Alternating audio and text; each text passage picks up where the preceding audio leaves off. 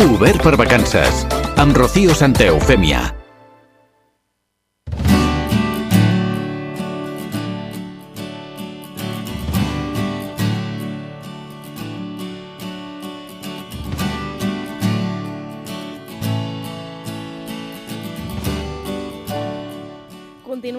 sabeu que a la segona hora dels dilluns de l'Obert per Vacances l'obrim amb un projecte sobre compositors catalans de violoncel que la dictadura franquista va intentar esborrar.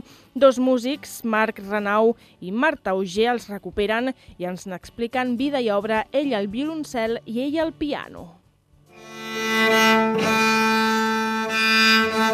El violoncel desconegut. Amb Marc Renau i Marta Auger. Joan Baptista Lambert i Caminal, 1884-1945. L'any 1911, que és eh, l'any que es va publicar el conte d'hivern, Lambert eh, ja era un compositor mm, consolidat i amb, amb molt de prestigi, tot i que seguia guanyant premis de composició, i de fet potser va guanyar un dels premis més rellevants de la seva vida, que va ser el primer premi, Flor Natural es, es deia, de la Festa de la Música Catalana de l'any 1911, amb una obra coral per cor mixt que es diu Agonia, i és un poema coral que parla de la caiguda de Barcelona de l'any 1714.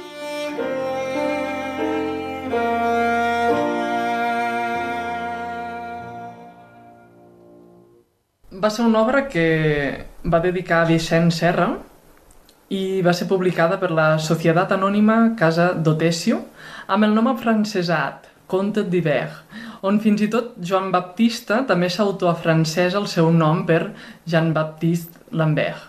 Aquesta publicació va ser encarregada i costejada pel propi Lambert. I bé, la paraula conte, i sobretot la paraula balada, del subtítol Balade pour violoncelle et piano, ens és molt útil entendre i interpretar i sobretot saber escoltar aquesta obra. Antigament, la balada era una cançó medieval francesa que explicava una història. Durant el segle XIX, diversos compositors, com ara Chopin o Clara Schumann, van escriure peces per piano sol i les van titular com a balades, amb la intenció d'evocar un, un estil narratiu intercalant passatges lírics. Aquest conte d'hivern és exactament això, l'evocació d'un conte, d'una història imaginària amb intercalacions líriques que a vegades són autèntiques interrupcions del discurs musical. I aquest conte imaginat està marcat en l'estació més freda i introspectiva de l'any, que és l'hivern.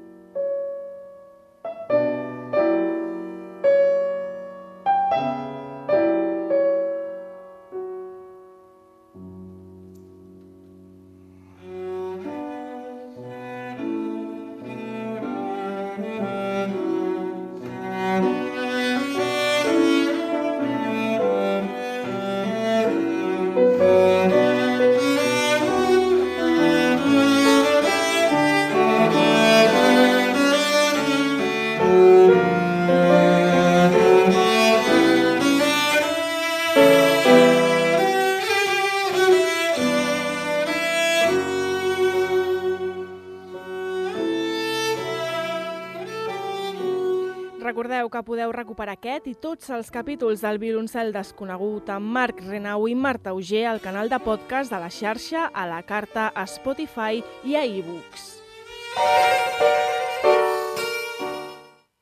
A l'Espluga FM Ràdio torna l'estiu, torne, l'obert per vacances. A Ona Bitlles torna l'estiu. Tenim obert per vacances.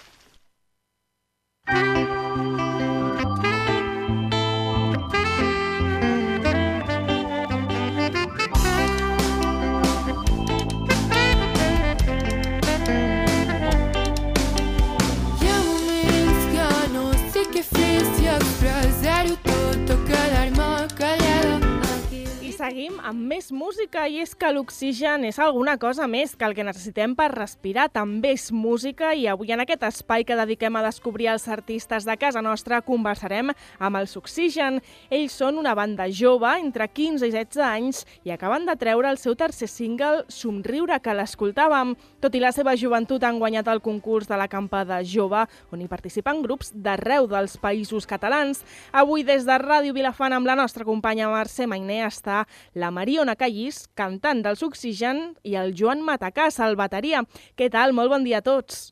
Bon, dia. Doncs a- abans d'entrar a explicar què, què és Oxigen, eh, qui sou, eh, us volia preguntar com us sentiu havent guanyat aquest concurs de, de l'acampada jove i com ha estat l'experiència de, de participar-hi.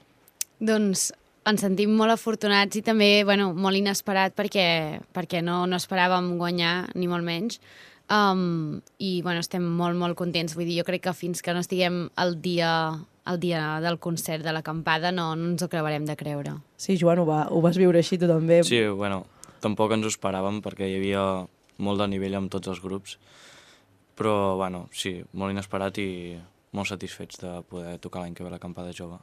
Comentàvem doncs, això, que, que sou un grup molt jove, teniu entre 15 i 16 anys, eh, com explicava la, la Rocío. Com, com va sorgir Oxigen? Com va néixer? Bueno, uh, jo portava molts anys a la Black Music Big Band, una big band de Girona, i vaig conèixer en Pau Garcia, que és el pianista del grup, i jo tenia moltes ganes de muntar un grup ja feia temps, i li vaig proposar de muntar un grup i em va dir que sí, i després doncs, vam contactar amb la Júlia i la Mariona, que són les dos cantants que també estaven a la Big Band, i doncs, vam començar així el, el 2019, finals del 2019, i després vam, vam veure que volíem més i vam contactar amb un baixista que coneixia jo. I ara fa poquet, fa un any o alguna així, vam, vam agafar un guitarrista i, i som, ara mateix som sis components. Us coneixeu tots entre tots eh, abans de començar l'experiència o no? No, vull dir, jo coneixia en Pau i en Joan, però els coneixia poc, relativament Que no poc. tenies molta relació, no? No, vull dir, els coneixia de, de veure'ls a la Black Music, però com que les cantants i els músics fan una miqueta la seva, um, tampoc no era allò que ens coneguéssim molt i jo he de dir que, que clar, vaig sospitar una miqueta de veure què estava passant. I, i al, fin- al principi no volia acceptar, tenia una miqueta de, de por, però no, no, um, no, no me'n penedeixo. Clar, llavors no us esperàveu, no? Quan estàveu a la, a, a la Black Music uh, Big Band, que acabéssiu formant un, un grup. Uh, res. I No, suposo no. que quan t'ho van venir dit vas, et va sorprendre fins i tot, no, sí, Mariona? sí, va ser... Bueno, vull dir, sa- també vull dir que gràcies, saps? Per, perquè pensava, bueno, si m'ho han dit a mi, hi ha, hi ha vuit cantants, doncs si m'ho han dit és perquè, no sé, els hi dec agradar, no? Va ser així, Joan? Bueno, sí, sí. Vam veure que la Júlia Mariona vull dir, ens agradava més els, com cantaven i tot, i ho vam decidir entre en Pau i jo una mica, i pues, això, les vam agafar a elles. Els hi vam proposar a elles i van dir que sí, i fins aquí estem. Parlem una mica dels inicis, eh, pel que sé eh, fèieu versions de diferents grups de, de música. Eh, expliqueu una miqueta com, com, com va ser aquesta etapa de les versions i com vau anar cap a l'etapa actual no, de, de temes propis.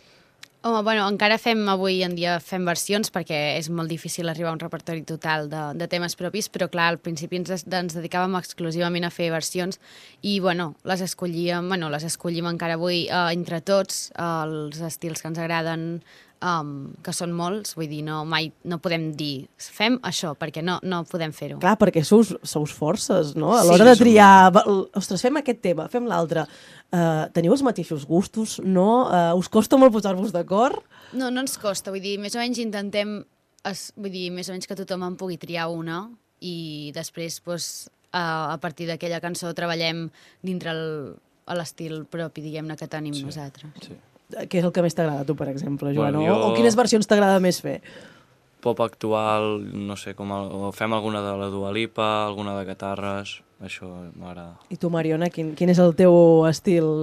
On et sents més còmode a l'hora de cantar? A l'hora de cantar, bueno, a mi és veritat que m'agrada molt uh, la música negra per, tipo, per com m'agrada, com em sento la meva veu, però per escoltar i per, bueno, en el grup, per exemple, m'agrada molt cantar les cançons de pop i així també és algo que, que em sento a gust. Clar, i la, la, en temes de música negra també també en canteu algun? Sí, sí, sí, en, tenim, en toquem sí. dos o tres. Sí, Ah, sí. Déu, Déu-m'hi-do, eh? El, el, el diferent, els diferents estils Sí, eh, sí. els que feu. Anem entrant en, en matèria amb els vostres uh, temes. En, uh, teniu ja tres singles. Expliqueu una miqueta. Què, què ens explica, no? Quins temes tracteu? Què busqueu explicar amb les vostres cançons? Um, bueno, és una miqueta divers perquè tenim tres temes, eh, els quals dos els hem escrit nosaltres i després la, el primer el va escriure en Miquel, en Miquel Abres. Um, en, el, en el segon single, que va ser el primer que vam fer, um, va, bueno, va una miqueta així, és una cançó d'amor, diguem-ne, uh, d'un amor d'estiu, i després la última, la de somriure, va, bueno, de com la soledat que sent una persona, bueno, que pot sentir una persona a la seva vida i, bueno, de la desconfiança. Bueno, no sé, és, és una miqueta de descon, bueno, desconfiança sobre la gent i amb com es pot sentir. Bueno, sí, és el sentiment d'una persona que està sola. La falta de confiança, no? També. Sí, sí, sí.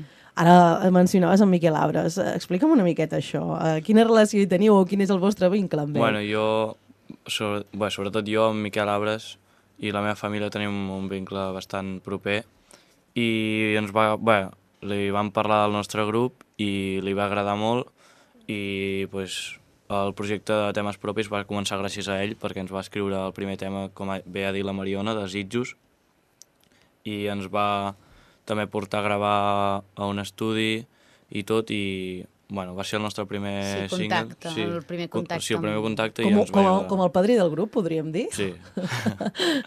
Cantant baix empordanès doncs, de la zona, no? Sí, Vosaltres sou de, sí. de, Sí, to, sí. de tocar Girona, no? De, de Mhm. la demarcació de, de Girona, doncs també és d'agrair no? que els, els cantants doncs, que ja porten més recorregut us, a- us apadrin o us ajudin d'alguna molt, manera. Molt, vull dir, és, és, és molt guai i també que, que eren principiants i seguim sent-ho, però clar, en aquell moment érem més principiants i que una persona amb la seva experiència t'ajudi a introduir-te doncs és, és d'agrair. Però porteu molt de temps a la, a la, a la música, eh? perquè esmentau això que estàveu a la Big Bang, que precisament doncs, eh, ha servit per unir-vos. Eh, per què el món de la música? O què, què, què, què us va impulsar a dedicar-vos a, a la música? De- Des de sempre, pel que, pel que expliqueu. Sí, sí. Jo vaig començar, crec que tenia 3 anys o 4, quan feia cant coral a l'escola. Després ja vaig anar a l'escola de música i vaig començar pues, a tocar instruments um, i després vaig començar amb les classes de veu i després quan em vaig apuntar a la Black doncs va ser com encara un canvi més radical perquè després també va sorgir Oxi- Oxigen, així que era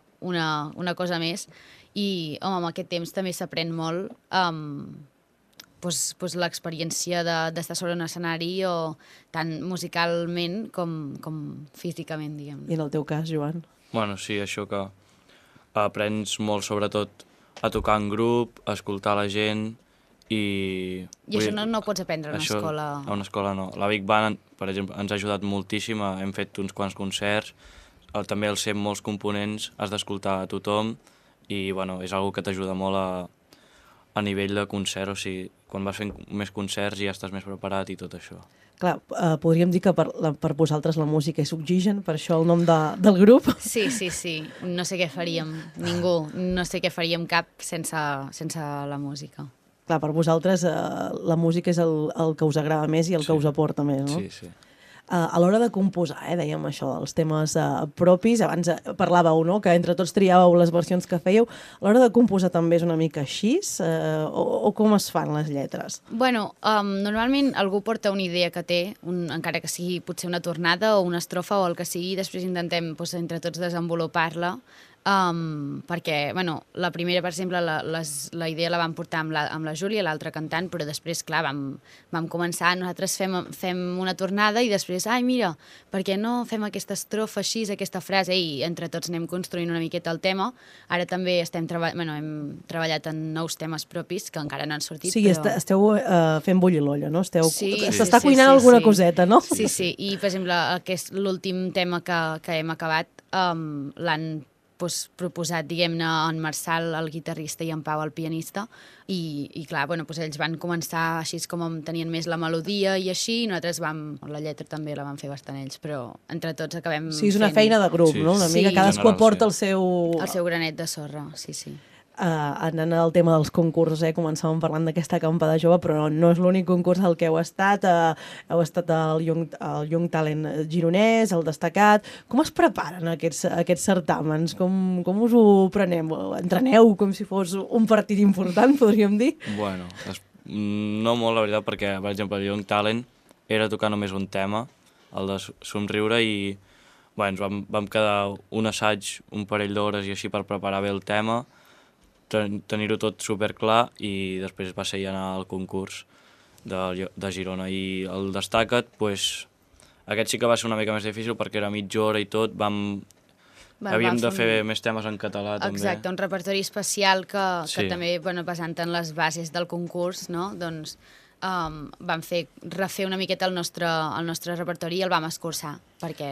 Ara, ara que ha dit el tema del català, no? Uh, és en la llengua en la que us sentiu més còmodes cantant o, o us és indiferent? No, no, no és la que... Vull dir, cantant com a tal no, però per exemple jo quan componc alguna cosa és, és molt més fàcil compondre en català perquè és la meva llengua, que no pas en anglès o en castellà perquè no, no m'hi sento No et tan flueix tant, no? Exacte, sí, no, no em surt. Mm. I en el teu cas, Joan, eh, a tu què t'agrada més o t'és igual? No, i bé, en català, o sigui, fem la gran majoria de versions són en anglès, però jo crec que l'escriure temes propis i tot en català és millor. Uh, oxigen, uh, i teniu ukelele, baix, uh, saxo, guitarra, bateria... Com definiríeu el vostre, el vostre so? Sé que és una pregunta dif difícil. Això de posar etiquetes és una mica complicat. Bueno, jo crec que és una miqueta un estil propi, perquè, um, per exemple, en Pau porta tocant el saxo des de fa 4 o 5 anys i és un instrument que a ell li agrada, tot i que sigui pianista, um, i també pues, a ell li agrada tocar el saxo en els concerts i, i poder pues, introduir-lo. Um, bueno, I jo toco l'ukelele, uh, que va ser el primer instrument que vaig així com aprendre a tocar més fluidament i totalment autodidacta. Um, I m'agrada també pues, portar-ho als concerts, que és com els nostres principis musicals. Si us sembla, parlem de- d'aquest somriure, aquest tercer uh, single. Expliqueu una miqueta. Què, què, què, ens explica aquesta cançó i, si us sembla, després l'escoltem una mica. Doncs, bueno, és això, um, la soledat de la- d'una persona um, que no té molts amics, podríem dir, o que està, que està sola, en, bueno, que se sent sola, potser no està, però se sent, i bueno, és això, la desconfiança.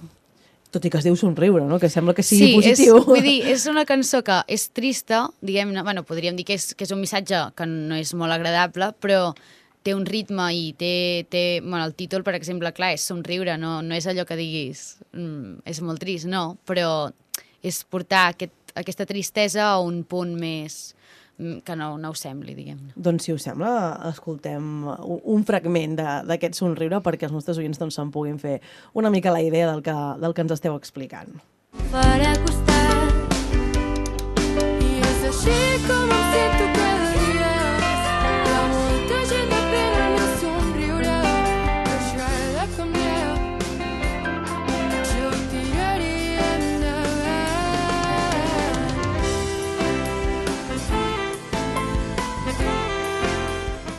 que deies, eh, realment eh, és eh, un missatge una mica trist, però eh, no ho sembla, no?, quan l'escoltes. sí, sí. té Uh, jo us volia preguntar per, per, per la història una mica i per la pandèmia, no? perquè comentava en Joan que vau començar a finals de 2019 uh, i després el 2020, doncs el febrer ja vam començar amb la, febrer-març vam començar amb la pandèmia. Com us va afectar en el projecte d'Oxigen i com ho vau viure? Bueno, eh, ens va afectar sobretot eh, el tema de no poder fer assajos perquè bueno, a l'estiu ja vam fer el primer concert del 2020 i clar, a l'estiu, a la mínima que vam poder, vam començar a quedar a fer assajos, preparar molts de temes per tenir un repertori d'una hora, una hora i quart i sobretot aquest va ser el problema, no poder ensejar, però pel grup de WhatsApp que teníem anàvem proposant cançons, intentàvem, jo què sé, ni que sigui gravar un vídeo cadascú des de casa seva, poder gravar un tema i, per exemple, tenim eh, el grup, teníem algun vídeo de tots, érem cinc, doncs els cinc fent un tema així, cadascú des de casa seva, com així online. Uh, ja per acabar, que ens queden pocs minutets de, de conversa, estaríem molta estona més uh, xerrant. Uh, us volia preguntar per projectes de futur i concerts doncs, que, que us puguem veure el que queda d'estiu. Doncs, bueno, és veritat que hem estat tot el juliol molt, molt a tope i ara a l'agost toca una miqueta de descans, tot i que uh, tenim el 15 de- d'agost anem al concurs de la cançó de Salitja, el 16 anem a la Bisbal de l'Empordà i després el 2 de setembre uh, anem a Vidreres, que la veritat és que ens fa especial il·lusió perquè fem de taloners de Doctor Prats i La Fúmiga i són grups que per nosaltres són referents, així que ens fa il·lusió. I de moment Bé, I el projecte futur, sobretot eh, el que volem és intentar gravar un, un disc de temes propis, que seria com el nostre, la, nostra meta, la nostra sí, primera el... fita, sí. Exacte, l'objectiu ara és anar compon en component i després pues, poder-los uh, recollir tots en un, en un disc. Doncs un plaer que, que us deixo que, que continueu amb totes aquestes cites que, que m'heu esventat de concerts i que vagin fluint les lletres i els temes amb ganes de, de, de, de saber notícies de- d'aquest nou disc, de saber que, que heu aconseguit aquesta fita que us heu marcat. Moltíssimes gràcies per estar avui amb nosaltres. Gràcies a, a vosaltres. Merci. Doncs estarem ben pendents de les passes d'aquests joves i els desitgem molts èxits. Gràcies, Mariona i Joan, i també gràcies a la nostra companya, la Mercè Mainé.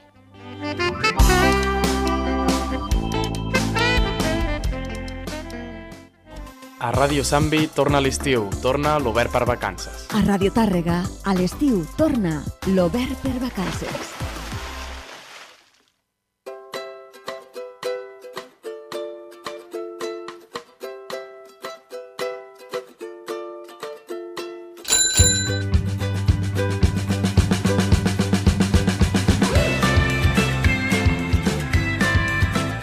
Ara anem fins al Canà per parlar del jaciment prehivern de Sant Jaume Mas d'en Sarrà, ja que aquest any els arqueòlegs del GRAP de la Universitat de Barcelona tenen moltes esperances posades perquè des de fa dos o tres anys s'està valorant la possibilitat que el jaciment pugui haver tingut una funció diferent de la que fins ara s'havia suposat. Per conèixer tots els detalls, saludem a la Cristina Esteban del Canà Ràdio. Cristina, bon dia. Així és, en Rocío. Intentarem que ens expliquen les arqueòlogues i coordinadores del jaciment. Elles són Marta Mateu i Carme Saorin. Benvingudes. Hola, bon dia. Hola, bon dia. La Marta és especialitzada en arquitectura en terra, Carme especialitzada en estructures de combustió. Primer que res, mos podeu explicar què és el jaciment de Sant Jaume Mas d'en Serra? Sí, ara us ho explico. Bueno, més o menys ja Sant Jaume és un, un jaciment de la primera edat del ferro, situat aquí al, al Canà, com ja bé sabeu, i eh, forma part d'un complex que està relacionat doncs, amb la muleta del remei, amb la cogula i amb la ferradura que està a, ja al terme d'Ulldecona. Eh, sempre hem pensat que Sant Jaume era la residència de, del capdill, no? d'aquest complex, i seria doncs, tot una, una gran, bueno, tot una arquitectura de poder i de control de la, del, de la situació del, de, del territori. Eh, tenim la sort que aquest assentament, no? que, aquest, bueno, que aquest, aquesta casa està construïda en pedra, eh, totes les parets, i aleshores i també el, el fet de que eh, com ja explicarem o ja sortirà, tot, el, la, tot els, els jaciments van ser destruïts eh, per un incendi, aleshores fa que tinguem tots molts materials dins d'aquest assentament, dins d'aquests quatre o cinc jaciments no, que tenim, sí. que, estiguin, que tinguem tot el material a dintre. No? Llavors és molt important el fet de que cada any que, vi, que vinguem, com bé has dit, tenim ja 24 anys que hem anat fent excavacions arqueològiques aquí a Sant Jaume i va sortint tot el, tot el material que durant l'any anem, anem, anem estudiant. Eh, I l'únic que aquests últims anys amb les troballes i l'arquitectura que té l'assentament, bueno, el jaciment, doncs creiem que potser podríem variar una mica aquesta, aquesta interpretació que li donem. Uh -huh. Una interpretació que podria canviar moltíssimes coses, no, no només uh -huh. a nivell del jaciment, sinó a nivell d'història. Sí, així és. Sí, eh, perquè mm, segons mm, els indicis ens cada vegada sembla que, que ens estan portant cap aquí, tot i que encara no tenim confirmat del tot, però podria tractar-se Sant Jaume, el jaciment de Sant Jaume podria tractar-se de- d'una primera factoria fenícia i això seria molt important perquè seria la, la primera de l'actual Catalunya, fins i tot mm, el, del, dels voltants, de, la, la més propera és a Guardamar, del Segura, a Alacant, mm, i a més mm, podria tractar-se del primer assentament colonial de, del que és l'actual Catalunya, molt abans de- de d'Empúries, de, de la colònia d'Empúries, la colònia grega d'Empúries. Per tant, això podria canviar molt la història de tota la, de l'arqueologia catalana. O sigui, estem parlant de que pot ser, eh, eh, és una hipòtesi que eh, s'està plantejant com una cosa molt important, però que de moment mos tenim que esperar, no?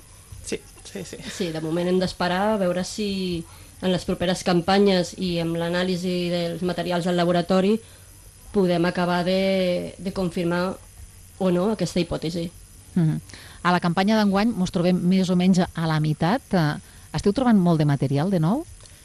Eh, estem fent diversos eh, àmbits, diverses estances d'aquesta casa i en una d'elles sí que estem en un d'aquests nivells d'enderroc on sí que apareixen tot el material tan constructiu dels sostres i de les primeres plantes fins al que estava conservat, el que estava guardat dins. I llavors, en aquest cas doncs, fins i tot hem trobat algun molí o, i, i més ceràmiques que després ja... I en els altres àmbits, doncs, més o menys, estem en nivells una mica més de paviments i que no hi ha tant material, però que és molt ric el saber com estan construïts uh, aquests espais. De fet, hi ha una peça que és l'estrella, no?, a- en este jaciment, i i que se n'han trobat moltíssims. Eh, Explica-mos, Carme. Sí, tenim molts pesos de teler, tenim més de mil i en aquesta campanya segueixen sortint, de moment en portem potser 5 o 6 Cinc o més. i bueno, són, són pesos de tele que tenien emmagatzemats, no els estaven utilitzant. I hem de veure també per què estaven guardant tants pesos de tele sense tenir els telers muntats. I, i per què tants, és que realment per què tants. Molt interessant això que ens estaves explicant eh, ara mateix dels pondus. Eh, Segur que moltíssima gent eh, us ho ha preguntat a les jornades de portes obertes, que per cert, enguany les feu este dissabte 13 d'agost. Què es fa durant les mateixes? Bueno, doncs tota la gent que, que vulgui pujar, es queda, quedem a les 10 i mitja al cementiri del Canà i pugem tots junts a, fins a dalt del jaciment i mentre l'equip d'arqueòlegs està treballant, doncs els hi, bueno, la gent pot veure com, com treballem, com es fan les tasques d'excavació i de restauració i, i se'ls explica a la vegada també com bueno, la, la, la funció del jaciment, tot el, bueno, la, com fem la feina, totes les tasques que realitzen. Afegir que és un moment important de, de que si algú vol venir-lo a veure és el moment, perquè durant l'any eh, per al, perquè hi hagi una millor preservació i no creixin tantes herbes, tot el jaciment el tapem i aleshores és bastant impossible entendre res si, si es puja durant l'any a, a veure el jaciment. Cal dir, però, que per arribar al eh, jaciment de Sant Jaume no és fàcil. S'ha d'anar primer en cotxe, després s'ha d'anar caminant perquè està dalt d'una moleta, dalt d'un turó, no? Sí, sí, és una muntanyeta, s'ha de pujar una mica, llavors eh, hem d'anar amb, amb sabates còmodes, no? amb, amb, amb, còmode i amb aigua, sobretot aigua, barrets i gorres. En total, quantes persones formeu l'equip? Doncs a la primera quinzena eh, va ser unes 14 persones, que eren 13 arqueòlegs i arqueòlogues i una restauradora. La segona quinzena són 15 persones, eh, entre elles dues restauradores. Mm. I com se suporten les calors eh, quan esteu dalt eh, del jaciment? bueno, anant descansant, anant bevent aigua i, i tenim dos ullastres que fan una miqueta d'ombra, llavors anar parant, però sí que vigilant molt eh, la temperatura i quan arriba també certa hora i certa temperatura i baixem cap a baix i, i ja recollim. Eh, aquesta campanya ens ho hem pres una mica com també de, de si, si, no estem, si no escalem tant però també fem la feina de laboratori l'avancem ja a, a, a la casa on estem dormint, no? ja comencem a netejar aquestes ceràmiques, a, a començar a inventariar-ho, també això ajuda després a, a la feina. Aleshores ens hem pres una mica que moments de molta calor ja baixem. I tant que sí, perquè de fet la campanya dura un mes i per tant us heu de cuidar. I ja per anar tancant aquesta entrevista, crec que mos podríeu fer una fotografia del jaciment de Sant Jaume, un jaciment que podria haver estat molt majestuós, no? Bé, ens trobem davant d'una gran casa fortificada en unes grans muralles amples i altes, uns murs avançats, una porta també fortificada en colze, s'ha de fer com una S per entrar. Tota l'estructura era construïda en, en pedra, està dalt, i revestida en, en terra, en fang. Mm, I, I això és el que es veien amb les dues grans torres, saps? Des, de, des de baix del turó es veuria això, però també el, aquesta seria com la, la, la visió que, que es veuria, però que també és important que, aquest, que el, el que estem trobant aquests últims anys és els fonaments d'aquesta no? de, gran casa i que van aprofitar el turó, que era, o sigui, que el turó era mica, ja, ja surt de seguida la, la, la roca, i aleshores van adequar aquest turó per, per construir a sobre tota aquesta gran muralla, aquestes torres i aquest, i aquest accés.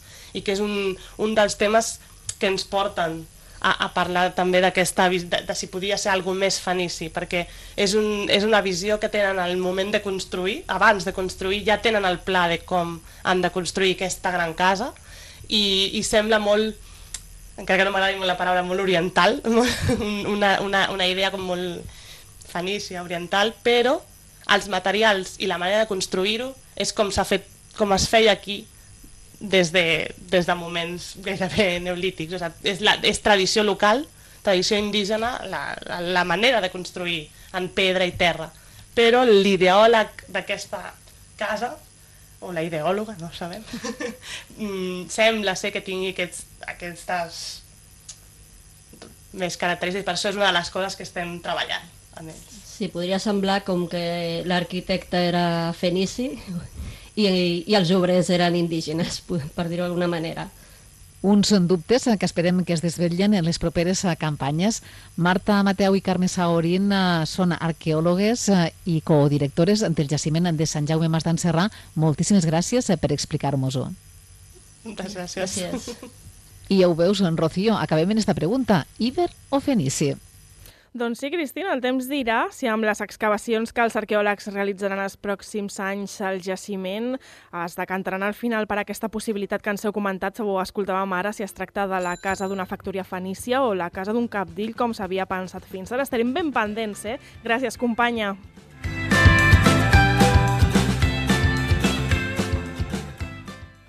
A Ràdio Barberà torna a l'estiu. Tenim obert per vacances. A Ràdio Calella Televisió torna a l'estiu. Torna l'Obert per vacances.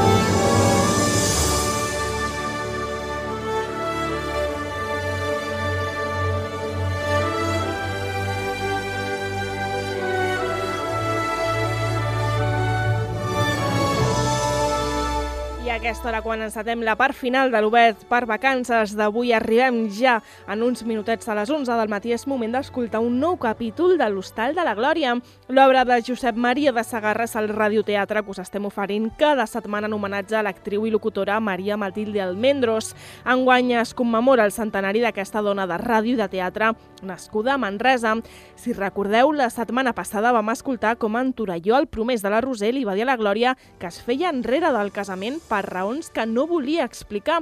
L'hostalera ha quedat preocupada per un consell que li va donar el Torelló.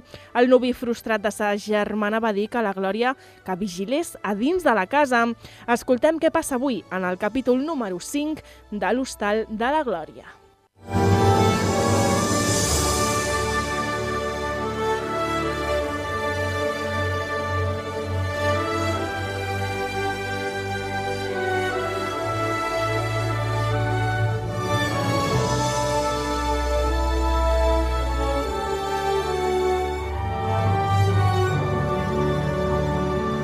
L'Hostal de la Glòria, capítol 5.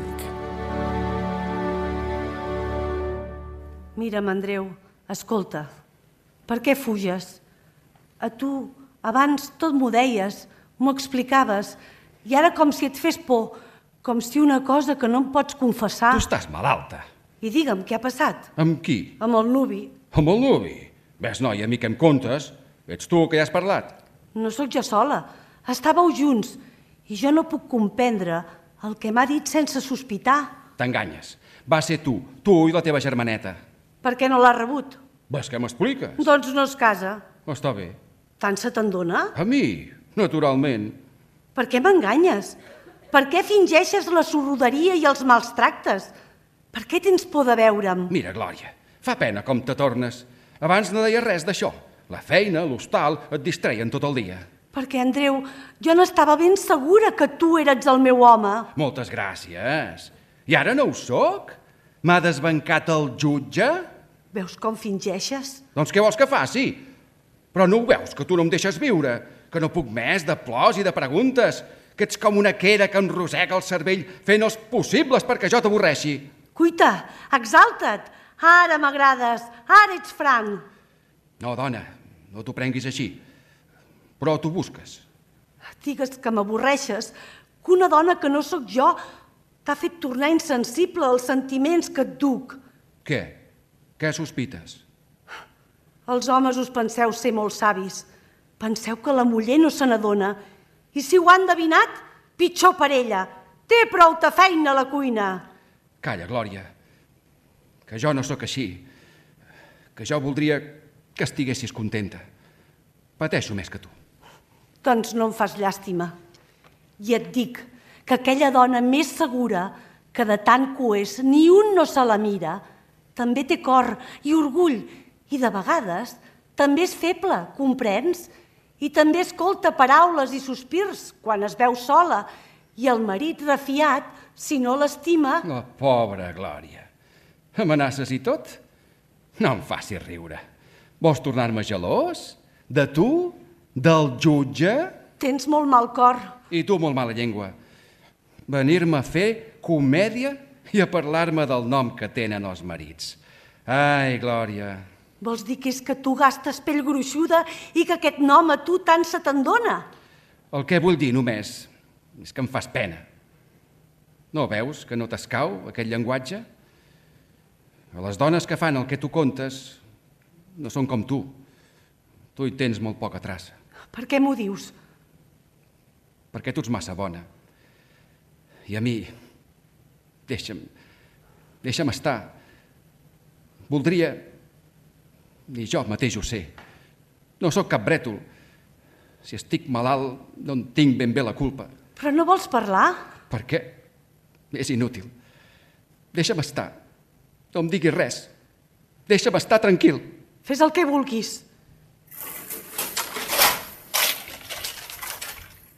I la Roser no ha volgut veure el nuvi. Aclarim-ho. Roser!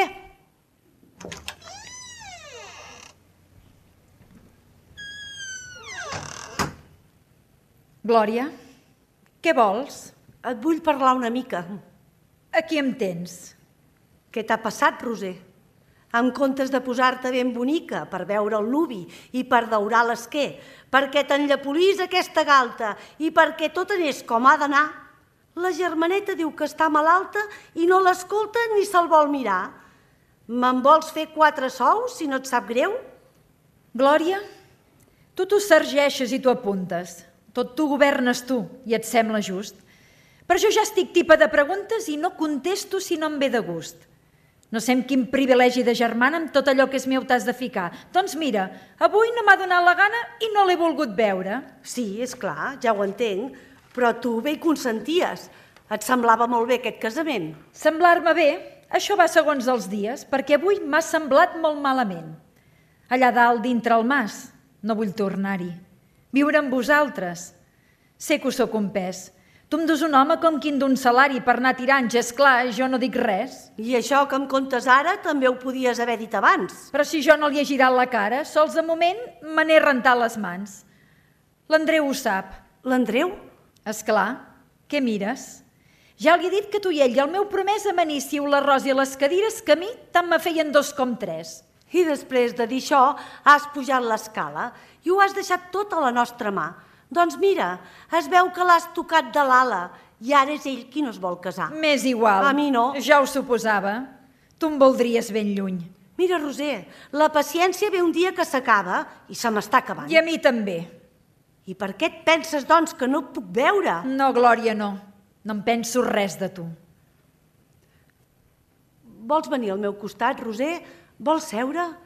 Mira, estem soles i ningú no ens sent. Sigues sincera amb mi aquesta vegada. Jo tinc por del que passa dins l'hostal. Contesta'm, de qui estàs enamorada? Digue'm, Roser, quin home t'ha fet mal? Cap home.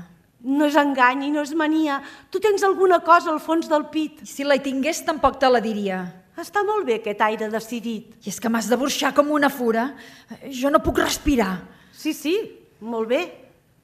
Has canviat una mica, criatura. Fa un quant temps que ni sembles la Roser.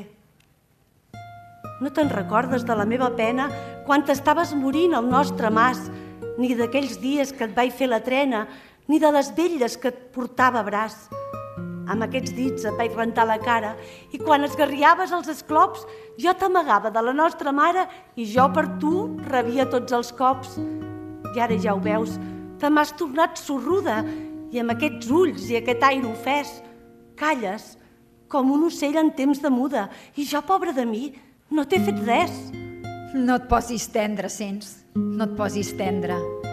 Què en treus de somicar i de recordar? El que a mi em passa tu no pots comprendre. Em sembla que ho començo a endevinar. Tu saps el que és tenir la carn lligada amb la d'un home? Saps el que és patir d'aquest amor? Que potser sóc casada. És clar que no ho ets, però jo sí. I tant si tu et casessis algun dia com si soltera t'atrapés la mort, a mi em sembla, Roser, que et convindria saber una mica el que li passa al cor. El que li passa al teu no m'interessa. Oh bé, no cridis, que per aquest menjar som iguals la criada i la mestressa, i en el meu cas també t'hi pots trobar. Mira, Roser, les dones som callades amb això de l'amor i els sentiments, i ens fa vergonya i tot que les mirades traeixin la cremor que ens van senent i ens repintem els llavis d'alegria i un xic esquerpes per matar el sanglot, amb la feina i la casa tot el dia fent veure desmenjades que això és tot. I això no és res, és el vestit de fora. Això és perquè la gent pugui pensar que l'amor sols és fruita de mitja hora i amb la rutina la passió se'n va. Però, Roser, quan ets de bona mena, quan ets de les que gasten crit i plor, l'única cosa al món que val la pena és saber que t'estimen de debò. Si un matí et comença una sospita i al cap d'una hora i vas veient més clar i després la sospita ja és certesa que són coses que se senten amb l'olor, li vols trobar el cor d'una vegada i te n'adones que el seu cor és buit. No saps si esbravar-te amb ell o recular, no saps si dir-li tot o girar full i calles, i somrius, i dissimules, perquè, és clar, també tens el teu orgull. I mentre el teu cor sagna i vigila, vols creure en una il·lusió que et fas, que és que potser respiraràs tranquil·la, que et penjaràs o no l'estimaràs. I per calmar les febres i els desficis, perquè aquest home retornés a tu, faries els més aspres sacrificis, faries tot el que no ha fet ningú. Glòria, refiles com un bon canari, però no sé què t'has pensat de mi, ni de què serveix aquest rosari, ni tota aquesta història que vol dir. Doncs ja t'ho explicaré. Roser, petita, tan innocent tu. Tu no has fet cap mal. Vol dir que va apuntar-me la sospita el dia que arribares a l'hospital. Vol dir, Roser, que des de l'arribada ha anat creixent l'angúnia i el patir. Fins avui, que em sento dona abandonada, ja ho veus, tota la història, el que vol dir. I ara escolta la glòria que et demana. Tu em diràs si el que et dic és imprudent, que jo no he perdut tota l'esperança. I si tu m'ajudessis de debò, ja ho veus, Roser, ja ho veus que tinc confiança. Sí, sí. Quan s'enraona en aquest to, quina confiança es té. Valenta excusa. Qui t'ha donat les llibertats que et prens? Que potser has vist que el meu mirar t'acusa. I que no tens gens de raó. Comprens? Si tu dus una vida miserable, si et sents gelosa i inflada de despit, no per això tinc que ser la responsable del que passa entre tu i el teu marit.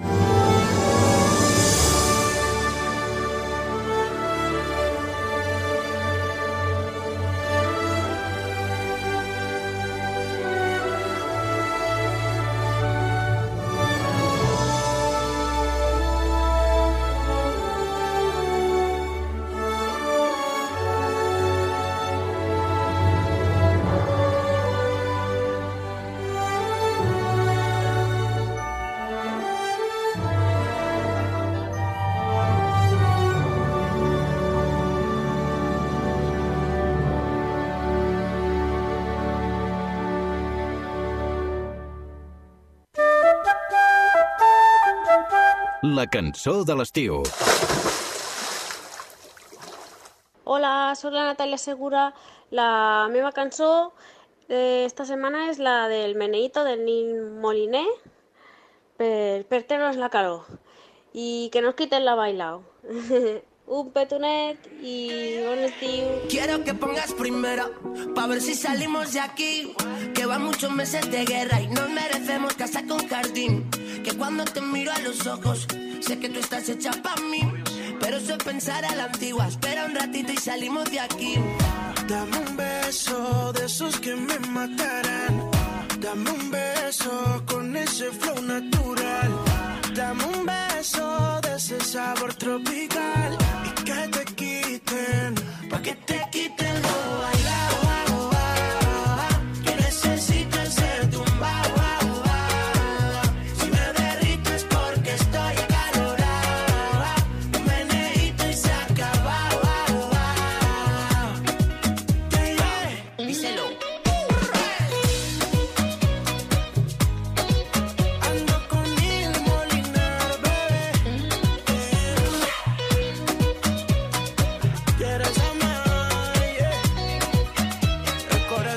Pom pom pom Cuando tú bailas este afro pop Popular como lollipop Deliciosa como rim pop. Pump it up, pump it up, don't stop. Estás eléctrica como rock. Teriyaki parece wok Meneíto para los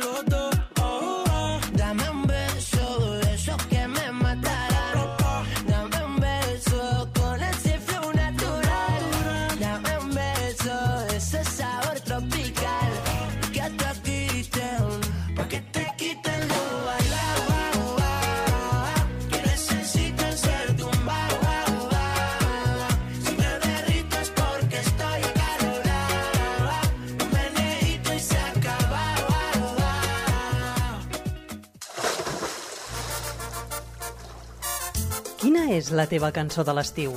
Explica'ns-ho en un missatge de veu per WhatsApp al número 628 841 055. 628 841 055. Envia'ns la teva nota de veu i podràs guanyar un val de compra de 60 euros als supermercats Bonpreu Esclat. Plaques solars, energia verda... Però amb qui fer-ho amb garanties? Amb qui sempre has confiat. Com? Ara, Bon Preu Esclat Energia t'assessora i t'ho instal·la a la teva teulada. Bon preu esclat energia, també amb l'energia solar. I tant! Autogestiona el teu consum al millor preu i col·labora amb un món més sostenible. Entra a bonpreuesclat barra energia i estalvia. Obert per vacances. Amb Rocío Santeufèmia. Digue'm si vas trobar la teva sort. Digue'm que et vas guardar tots els records. No t'aturis quan no puguis més. No et rendeixis quan no puguis més. Digue'm que no hem canviat, que seguim endavant, que aquesta lluita tindrà un gran final. Hem vingut a tombar les fronteres per anar